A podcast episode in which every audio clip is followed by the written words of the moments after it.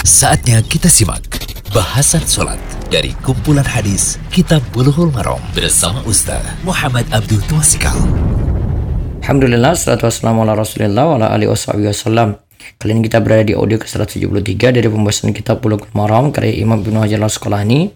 Kitab salat bab salat at-tawwu, yaitu salat sunnah. Kita bahas tentang hukum kodok salat witir. Hadisnya hadis ke-39 atau 388 dari kitab Bulughul Maram karya Imam Ibnu Hajar Al-Asqalani. Wa anhu qala qala Rasulullah sallallahu alaihi wasallam man nama 'anil witri aw nasiyahu falyusalli idza asbaha aw dzakara rawal khamsatu ila nasaiyya. Dari Abu Sa'id Al-Khudri radhiyallahu anhu ia berkata Rasulullah sallallahu alaihi wasallam bersabda Barang siapa yang lupa sholat witir karena tertidur atau lupa, hendaknya ia mengkodoknya ketika pagi atau ketika ia ingat. Yaitu ketika dia bangun atau ketika dia itu ingat ya. Tapi sini ketika pagi atau ketika ia ingat. Nah, disendirikan oleh yang lima kecuali An-Nasai. Hadis ini secara lengkapnya riwayat Abu Dawud, Tirmidzi, Ibnu Majah, Ahmad. Hadis ini sahih menurut Imam Al-Hakim sesuai syarat Bukhari dan Muslim. Tetapi keduanya tidaklah mengeluarkannya. Faedah hadis yang pertama, hadis ini menunjukkan disyariatkannya kodok sholat witir yang luput. Beberapa sahabat dan tabiin berpendapat seperti itu. Berarti ada kodok untuk sholat witir yang luput. Ya, ada kodok artinya masih boleh kodok untuk sholat witir yang luput. Terus yang kedua, pendapat ini dipegang atau para ulama yang mendukung hal ini adalah Sufyan al-Thawri, terus Abu Hanifah, Al-Auza'i, Imam Malik, Imam Syafi'i, Imam Ahmad, Ishak dan lainnya. Artinya mereka berpendapat bahwa kodok sholat witir yang luput itu ada. Terus yang kedua hukum kodok sholat witir ini berlaku jika lupa atau tertidur. Sehingga luput mengerjakannya.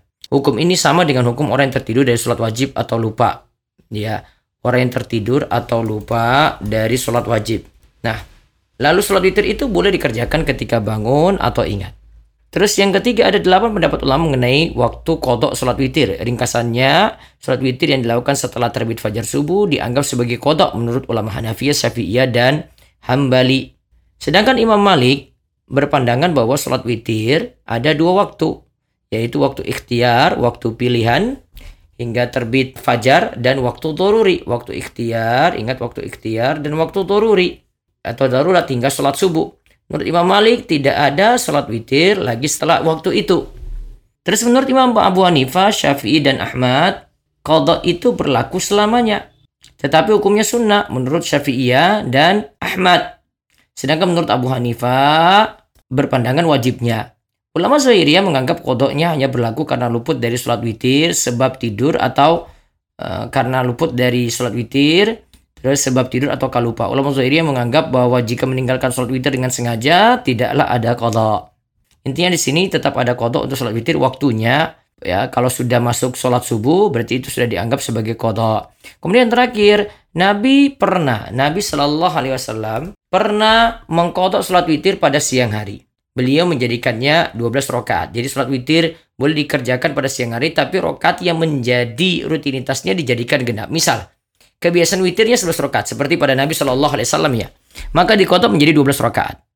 Misalnya lagi kebiasaan witirnya 9 rakaat maka dikotok menjadi 10 rakaat. Kalau kebiasaannya 7 dikodok menjadi 8. Kalau kebiasaannya 3 rakaat untuk witir maka dikodok jadi 4 rakaat. Demikian semoga jadi ilmu yang manfaat. Allahu yubarik fi. Demikian bahasan sholat dari kumpulan hadis Kitab Buluhul Marom bersama Ustaz Muhammad Abdul Tuasikal.